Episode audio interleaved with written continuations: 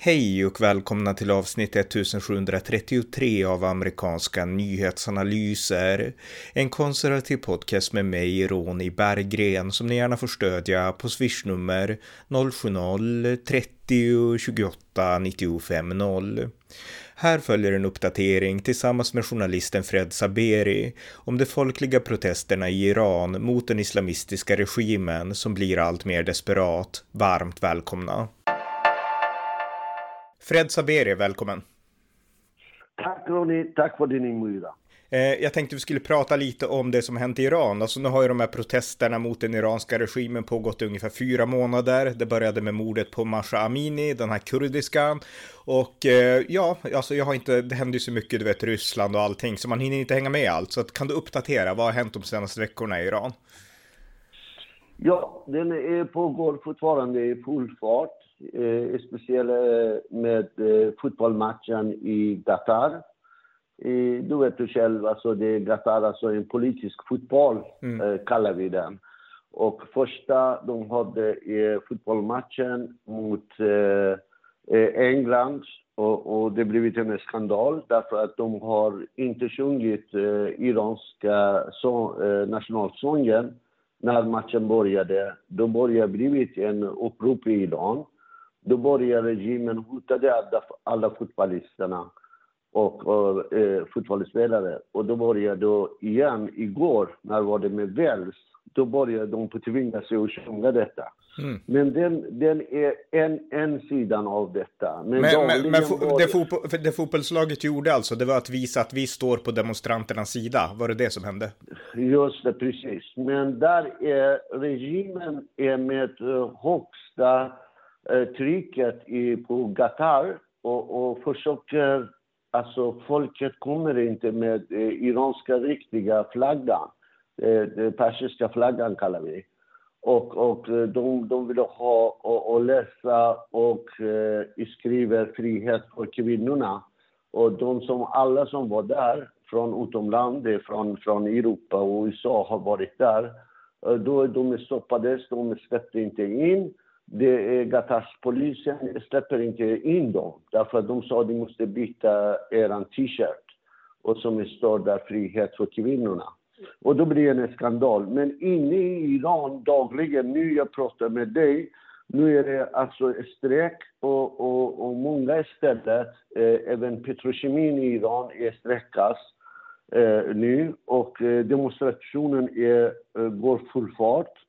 Och eh, alla eh, de här affischerna som är Soleimani i Iran, runt i Iran på alla städer.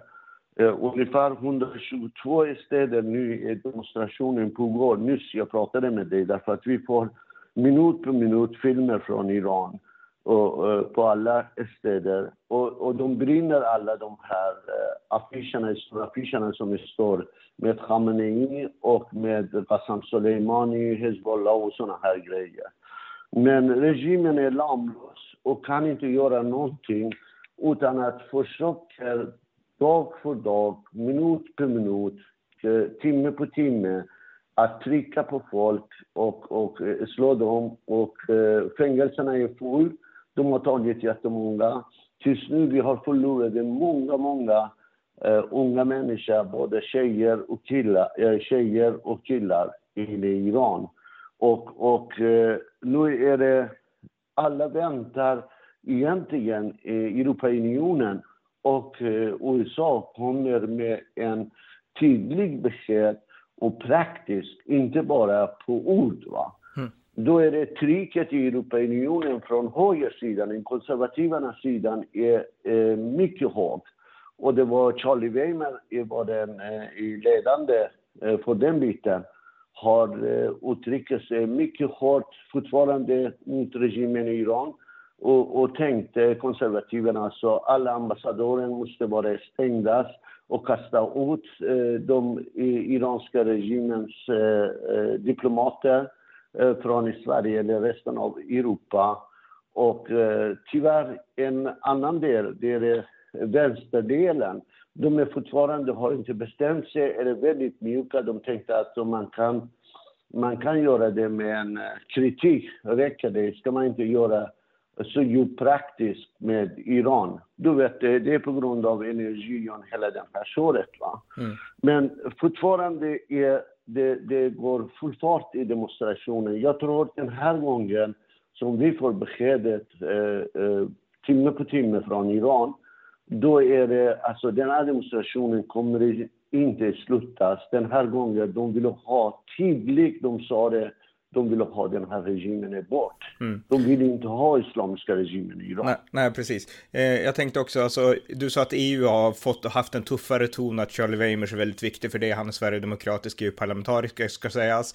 USA då, har USA också blivit tuffare mot Iran? Du, vi väntar det, det, därför att kongressen är på konservativernas hand nu vi väntar jättemycket. Imorgon finns det en stor eh, eh konferens där som skulle iranier med konservativa krafter i USA och vi ska prata med dem som vi skulle göra. Tyvärr den där vänsterliberalerna eh, i USA, det fortfarande har de makterna på olika sätt, både i, i senaten och olika organisationer. De är fortfarande, alltså vet inte, de pratar mycket, mm. men de gör lite verkstad. De gör inte i verkligheten. Det är det ligger problemet alltså. Men USA ligger det viktigaste i centralen. Om USA kommer att bestämma sig, då är det EU också kommer att bestämma sig direkt alltså efter det. Eh, några följdfrågor då på, på det vi har pratat om. Alltså som sagt, eh, eh, allt det här utlöstes då av mordet på Masha Amini och hon var kurd och det Iran nu gör det är att man bombar ju kurderna. Turkiet gör det också. Alltså hur, hur, hur liksom, om du analyserar just den aspekten, det som nu sker med kurderna utifrån liksom Irans regim. Hur tänker regimen och liksom vad kommer konsekvenserna att bli av det? Därför att vi i Europa nu, vi vågar ju inte heller, vi vill inte stå upp för kurderna riktigt därför att vi vill komma med i NATO, och då är vi beroende av Turkiet och sådär. Om du liksom elaborerar dina tankar kring Irans roll i allt det här. Mm. Om jag ska säga kurderna till Irans sida, du vet Kurdistan är det största delen i Turkiet och nästa är Iran. Det är mm. näst störst. Va? Varför Iran bombar kurderna? Därför att då är det de skulle visa, de vill ha splittra landet de vill ha självständighet. Det stämmer inte. Kurderna i Iran är annorlunda med kurderna i, i Turkiet. Mm. Kurderna i Iran, därför att det är riktigt iranier de är. Och de ligger i gränsen och de kämpar dag, för, dag, dag och natt angående detta. Men regimen försöker alltså visa det. Det är, det är kurderna och balucher, det är precis de som är gränsen. Du vet, Iran har 17 gränser med andra länder runt omkring. Va? Och försöker de här bitarna, regimen försöker bomba dem och gå hårt angrepp mot dem därför att bevisa iranier, därför att de vill ha självständigheten, då är det oacceptabelt, trots att det stämmer inte. Kurderna är eh, kämpar precis som balucherna, balucherna kämpar precis som persier, gilanier och olika delar av landet. Det är det som jag försöker hela tiden, den här regimen visar, att det är det, om vi går från Iran, eller vi störtar det, då börjar Iran bli som Syrien. Men det stämmer inte. Det är stor skillnad mellan Iran och Syrien, förstår du? Det är annan kategori, annan folk. Och iranska folket kan jag säga till dig, det är mycket kulturellt och mycket utbildade personer. Alltså, du ser dagligen de här unga människorna pratar i, i, i tv och radio och, eller eh, står på gatan och kämpar för detta. Det är helt en annat. Men det stämmer inte. Men andra sidan, du vet, det försöker Iran med olika uh, uh, på olika medel med utrikes uh, med sin utrikiska, eh, eh, kallar man involverar på olika länder. Till exempel i Turkiet försöker genom kurderna därifrån. Den här bomben som har exploderat i Turkiet, jag är inte alls Alltså, eh, eh, eh, jag tror det iranska regimen står bakom det. Därför att du skulle ta in Turkiet också på den här sidan. Mm. Det är det också en stor del. Å andra sidan i Ryssland också. Iran, alltså en, de här mullorna, inte Iran kallar jag, springpojkarna i, i Islamiska republiken, det är en springpojke för ryssarna. Det var det från, från 42 år sedan. när USA har lämnat Iran. Mm. Uh, och, och, då är det, då är det ryssarna har det stor inflytande där. Då är det mullorna äter sin lunch på, i, i, Moskva och uh, middag i Teheran. Mm. Så kallar vi det. det. Så är de beroende, tyvärr. Men jag tänkte, okej okay då, men alltså det här med kurderna, det är alltså regimen använder det bara som ursäkt och försöker skylla demonstrationerna på att det är kurderna som vill bryta sig ur ungefär. Och det är bara en lögn. Men jag tänkte, du nämnde Ryssland nu, för det är ju intressant, det har ju varit en rättegång mot två stycken iranska spioner och eh, jag vet inte om det handlade om alltså att de har spionerat för Ryssland eller Iran eller båda dera, men det är ju det är två iranier i Sverige i alla fall som nu håller på att åtalas för spioneri. Kan du kommentera det? Alltså vad är dina tankar kring? Du Ronny, det, detta alltså en skandal för svenska politiken kan jag säga. Efter 45 år i det här landet, jag har inte sett så där. Det här visar att det är så många år vi har det svag politik här landet. Mm. Hur kan det vara, trots att vi har skrivit, vi har pratat om detta gång på gång, gång på gång till svenska olika regeringar, du, det här är inte acceptabelt. Iran har så mycket inflytande här landets politik. Vi vet jättemycket, men tyvärr, jag kan inte avslöja det, allting på den här podden. Men någon vackra dag vi kommer att allting bevisa med svart på vitt. Då är det vi vet hur mycket iranier regimen skickar sina spioner här landet. De finns på olika sätt. Alltså. Det här är som vi har sett jag kan säga många sådana här personer finns.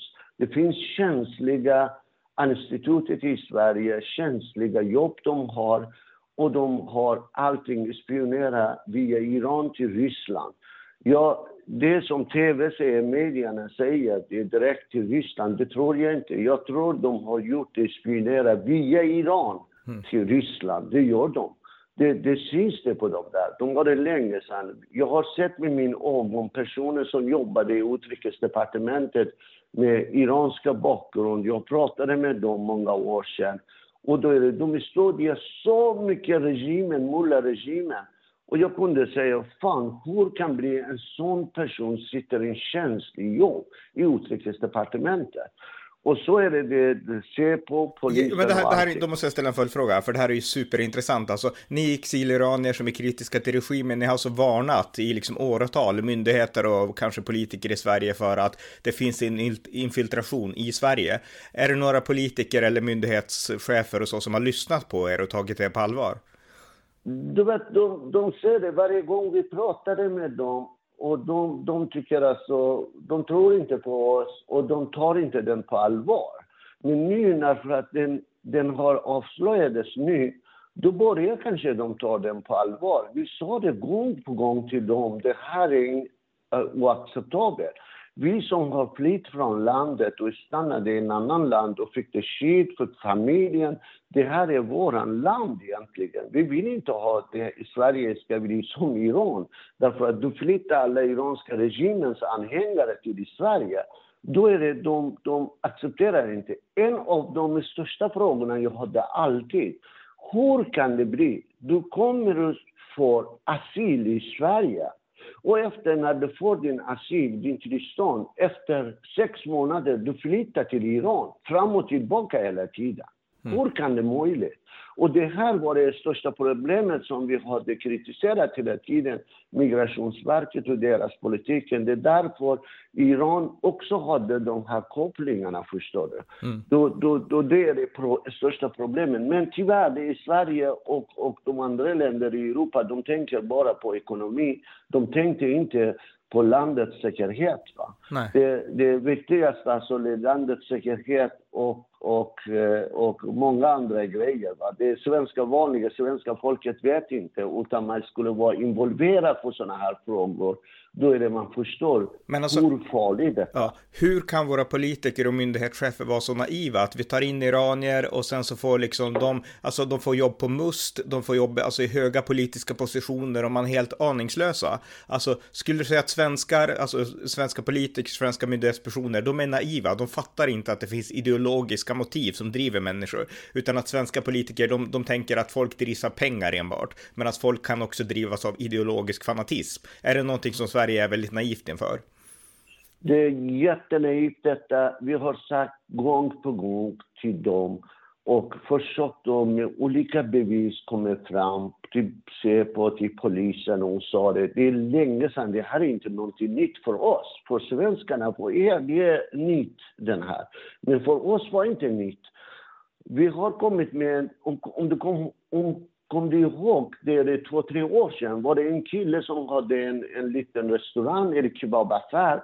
Och han gjorde det dagligen 7 miljoner svenska kronor exchange, va? fram och tillbaka. Hur kan vara Skatteverket har inte kontroll på en sån person med så mycket summa pengar. Och han köpte såna här för, för iranska regimen olika eh, eh industrigrejer och skickade till dem. Och pengarna kommer hans konto, han köper grejerna och skickar till det. Till sist polisen har tagit den, eller tullen som har beslagtagit detta, som var det känsliga industriella grejer som han skickade till Iran. Det är samma sak här också. Det, det är polisen, alltså du vet, jag själv har så chockats. En person som sitter och spionerar inne i Säpo och mus det här är väldigt, väldigt farligt, trots att vi sagt till dem flera tillfällen. Det här har blivit alltså en skandal för hela svenska folket faktiskt. Mm. Ja, mycket intressant. Men det som nu händer i Iran när regimen skakas och så och kanske, du tillhör ju de som tror att den kommer att falla, regimen nu då. Alltså, kommer det innebära att de här spionerna bara förlorar kontaktlinjen? Eller alltså kommer de att, för, alltså vad händer då med spionerna? Alltså, för jag antar att de stöds av regimen. Du vet, en del försöker alltså vänder eh, kapan efter vinden, förstår du. Då, mm. då, då är det, de gör det på det sättet, det är hycklare. Som jag ser i demonstrationen vi var här i Sverige, jag har sett många som var spionerat för iranska regimet var i demonstrationen. Då var det de spionerar eller de har varit där och alltså, följer med och, och, och säger vi är också oppositionen. Tyvärr det, det, är så, det finns ingen kontroll av den. Den enda, vi har ingen själv intelligence service. Vi i oppositionen har inte eget intelligence service. Det är den enda, vi måste vända oss till den landen som vi befinner. Och vi måste vända till exempel, vi är i Sverige, vi måste vända till Säpo, vi måste vända till polisen. Men då är det då är så naiva, de lyssnar inte så mycket. Eller de lyssnar och sen de lägger ner hela den här anmälan man gör. Vi har gjort flera tillfällen, flera tillfällen. Det är inte bara jag, det är många, många, många andra som har gjort detta. Men de gör inte det. Men jag tror personligen, din fråga, om det är vad ska hända med spionerna. Jag tror alltså nu hela Europa har vaknat upp sig. Jag tycker personligen, första du ska göra, den här islamiska centret ska stängas i Sverige. Det är Imam Khomeini-moskén här i, i i Jakobsberg. Och den måste stängas. Spionerien finns på olika institut. Tyvärr, vi har olika institut, de är där inne. Och därifrån de styr hela tiden.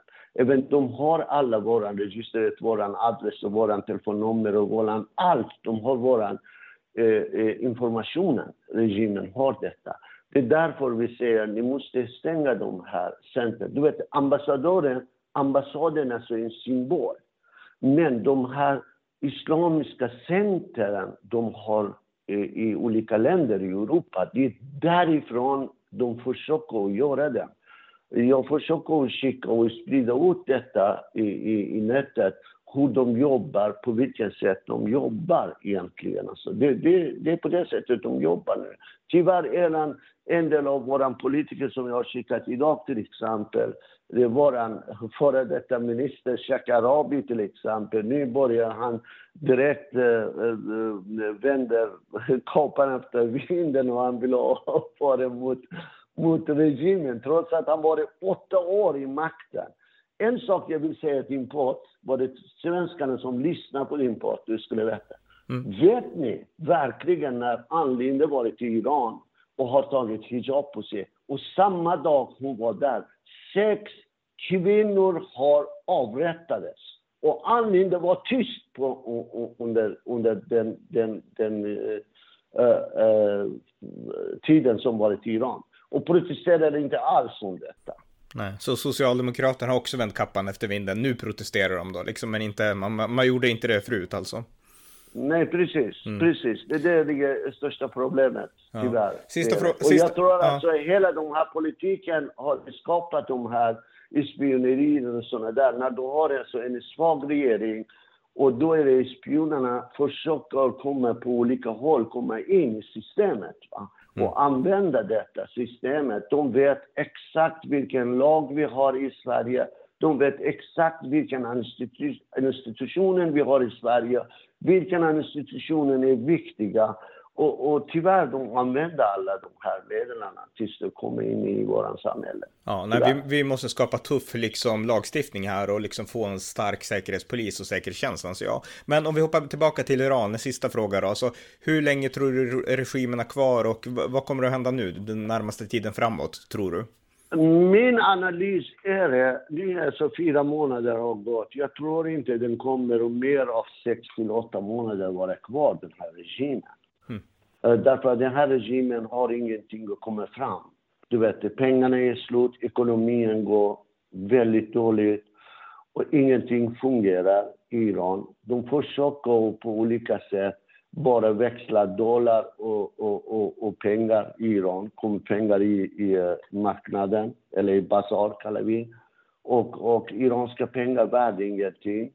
Och eh, då, då, regimen har ingenting att säga. Allt är lamlöst. Då är det dag för dag där det börjar de här sträckorna eh, bli mer och mer. Va? Du vet, Petrokemi och, och olja, eh, kompanierna, de är största som drar in pengar i Iran. Va? Mm. Och, och, därifrån det börjar de, vi försöker vara den bästa som försöker den här sträckan eller strecket kommer att uh, bli mer och mer på, på olika håll. Va? Idag, som jag har pratat med dig nu, det är det petrokemin som är, är nu idag är sträckas. Och folket fortfarande står på gatorna och torget. Nu de har annonserat från Iran och be oss i utomland, snälla när ni går ner i affären, kollar ni någon produkt som står från Iran, köper inte detta. Och de beskriver alla märkena på de här produkterna som står där. Köp inte sådana där. Låt den, den här regimen falla. Mm. Så är det i alla fall. Eh, men en sista fråga också då. Alltså det, här, det har ju pratats mycket från USAs håll, även från Europas håll, om att man måste göra allt för att stoppa Iran från att skaffa kärnvapen. Det här med liksom anrikning av uran och liknande. Hur har det påverkats av de här protesterna? Alltså fortgår, alltså allt det där liksom ändå, det har inte förändrats eller? Det gör det inte därför att det, kärnkraften är, för, för min del, alltså jag har ju skrivit för det tillfället, kärnkraften är efter eh, eh president Donald Trump har kommit ut från den här kärnkraftavtalen, mm. då är det den är död. Det finns inget. Men det här är bara ett slöseri med tiden va? och kallar dem diplomati.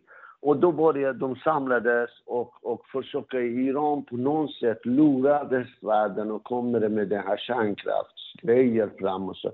Det finns ingenting med kärnkraften du skulle eh, påverka därför att då är det, Iran fungerar inte längre. När landets eh, landet fungerar inte hur du ska prata om kärnkraft egentligen. Kärnkraften, du har ingenting med kärnkraften att göra med sådana här grejer du gör dagligen. Nej, kärnkraften är död och det finns inga möjligheter. En del politiker försöker fortfarande komma med den här linjen fram. Kärnkraft, kärnkraft, men det finns ingenting om detta. Så, men alltså Iran, de, de, har inte möjlighet att skapa en atombomb alltså inom den nära framtiden? Eller hur ser du på det? Just den här säkerhetsanalysen som Israel gör till exempel? Ja, men det finns, du vet, de har smugglat så mycket grejer som vi har pratat, allt går samband med varandra. Till exempel, du säger två spioner i Sverige, de har massor vad sådana här personer mm. och olika företag de har utomlands med olika namn, personliga namn. Och de importerar, smugglar olika uh, sådana här kärnvapensprodukter till Iran. Och, uh, och då, säkert de har den, men då är det, jag hoppas att Israel och eh, Europa och USA har ordentligt koll på den där. Jag personligen tror inte på den där, därför att jag tror inte Iran är så naiv och den har inte tillräckligt folk som skulle jobba med detta. Mesta av de folket, de har experterna, de har flytt från landet eller de sitter isolerat hemma. Ingen vill jobba med detta. De vet att det finns ingen framtid för detta. Jag tror personligen inte, men den här regimen, allting är möjligt. Du vet, mm. därför att de jobbar, de jobbar under jorden. Alltså, de är, smugglar allt möjligt. Det kan möjligt att de, de gör på något sätt eh, sådana här grejer också. Det är inte omöjligt. Nej, så att vi får inte vara naiva utan vi måste ha liksom koll på dem. Men vi, vi liksom, de har också händerna fulla med andra saker just nu, så att Iran. Så att, ja, men då vill jag säga tack till dig Fred Saberi. Det här var jätteintressant. Tack. Så tusen tack. Tack. Tack så mycket. Tack Tony. Tack, tack för att Tack för att ni har lyssnat på amerikanska nyhetsanalyser. En podcast som ni gärna får stödja på swishnummer 070-30 28 95 0 eller via hemsidan på Paypal, Patreon eller bankkonto. Skänk också gärna en slant till valfri Ukraina-hjälp. Vi hörs snart igen. Allt gott tills dess.